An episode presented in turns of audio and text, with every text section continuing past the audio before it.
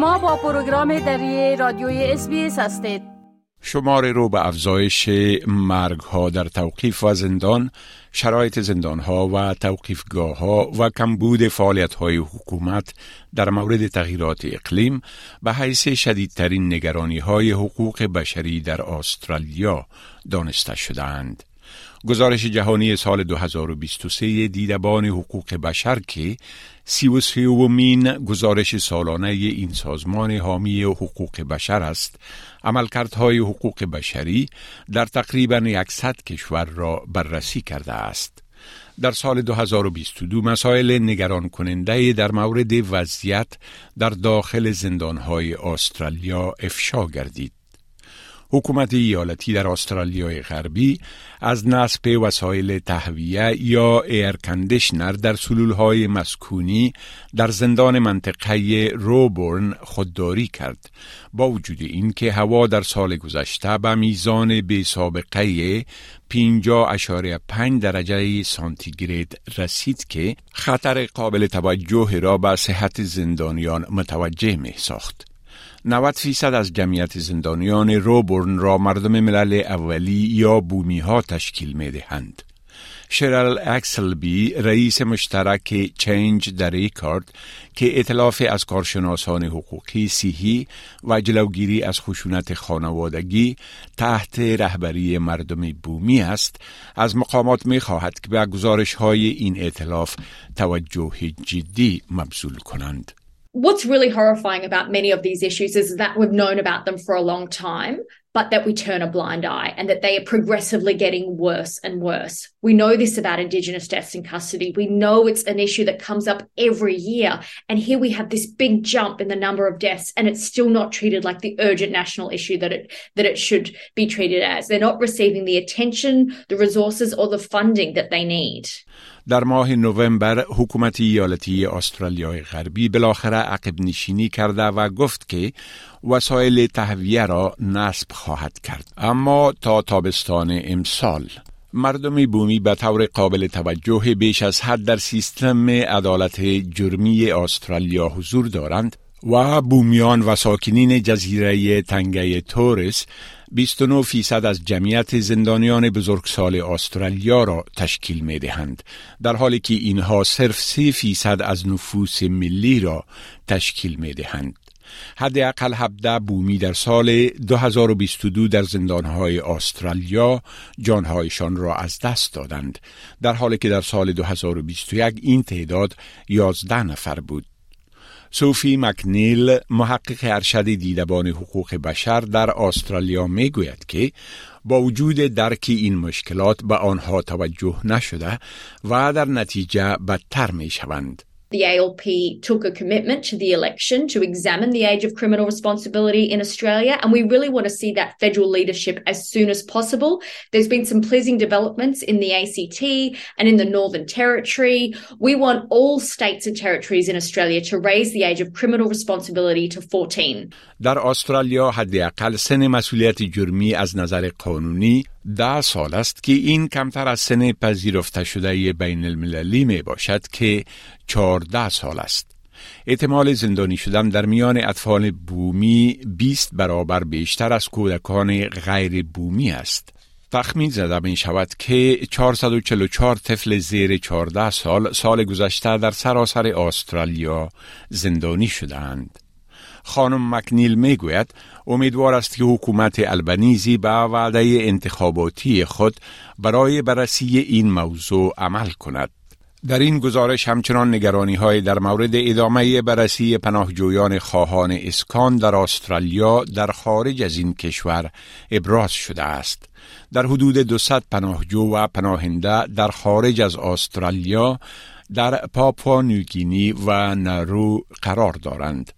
تانوش سلوراسا در سال 2013 در جزیره مانوس در پاپونیگینی و سپس در جای دیگر این کشور در توقیف به سر می برد تا اینکه تحت قانون میدیوک و اداره توقیف مهاجرت استرالیا در ملبورن منتقل گردید. این پناهنده سریلانکایی بعدا به هتل منترا در ملبورن منتقل شد و سپس در جنوری 2021 آزاد گردید. او اکنون با ویزای حفاظتی موقت شش ماهه در سیدنی زندگی می کند و از زمان آزادی سه بار این ویزا را تمدید کرده و هنوز هم دورنمای برای گرفتن اجازه اقامت در استرالیا ندارد. Always we going to remember that Manus Island is a prison island because we got lot of torture, lot of suffering uh, and 13 innocent people life were lost on that island. او میگوید زمانی که به بازداشتگاه در داخل استرالیا در ملبورن منتقل گردید اوضاع بدتر شد So worse than Manus Island because uh, I don't. Um, they locked up me inside the hotel room after they moved to Australia. Uh, that hotel room, no access fresh air, no access to sunlight. It's a tiny room. We can't go anywhere. بیش از 1045 پناهجو به اساس یک توافق اسکان مجدد بین ایالات متحده امریکا و استرالیا در امریکا پذیرفته شدند. آقای سلوراسا اکنون یک مدافع حقوق بشر برای افرادی است که پناهندگی می طلبند. او امیدوار است که شاهد اقدام فوری حکومت استرالیا برای اسکان مجدد کسانی باشد که در توقیفگاه های در خارج استرالیا باقی ماندند. حکومت حزب کارگر تعهد کرده که بررسی تقاضاهای پناهجویی در خارج از کشور را ادامه خواهد داد. برخورد مقامات استرالیایی با معترضان اقلیم هم مورد انتقاد قرار گرفته است.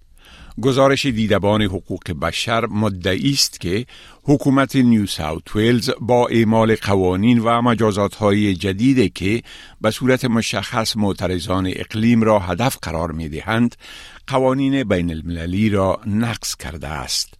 حکومت نیو ساوت ویلز قوانین را تصویب کرده که بر اساس آن معترضان متهم با دو سال زندان و جریمه های سنگین مواجه خواهند شد.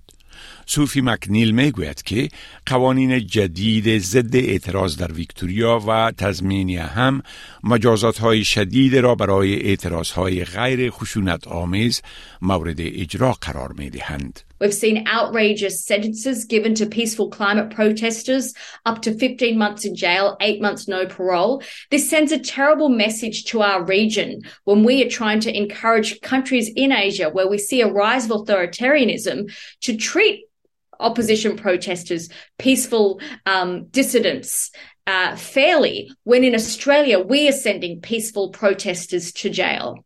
دامینیک پروته صدر اعظم نیو ساوت ویلز قبلا از این قوانین دفاع کرده و گفته است که مردم باید بتوانند اعتراض کنند اما به گونه که باعث اختلالات عمده نشوند.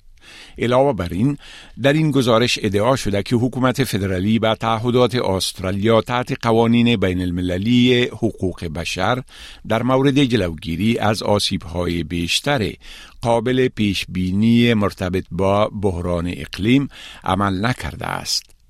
خانم مکنیل می‌گوید در حالی که استرالیا اقدامات را برای کاهش انتشار گازهای گلخانه‌ای در داخل کشور خود انجام داده باید اقدامات بیشتر را برای کاهش صادرات نفت و گاز انجام دهد.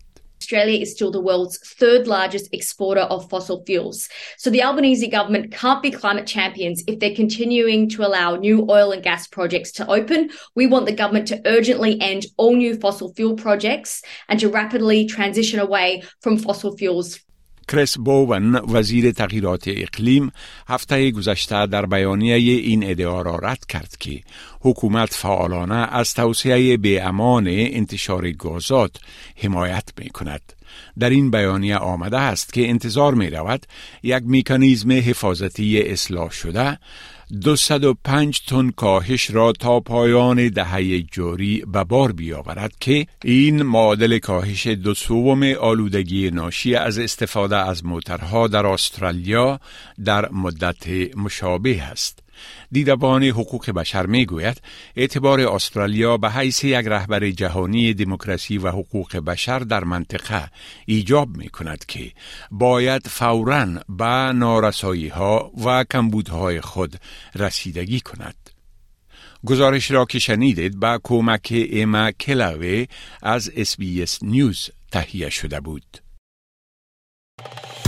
بپسندید، شریک سازید و نظر دهید. اسپیس دری را در فیسبوک تعقیب کنید.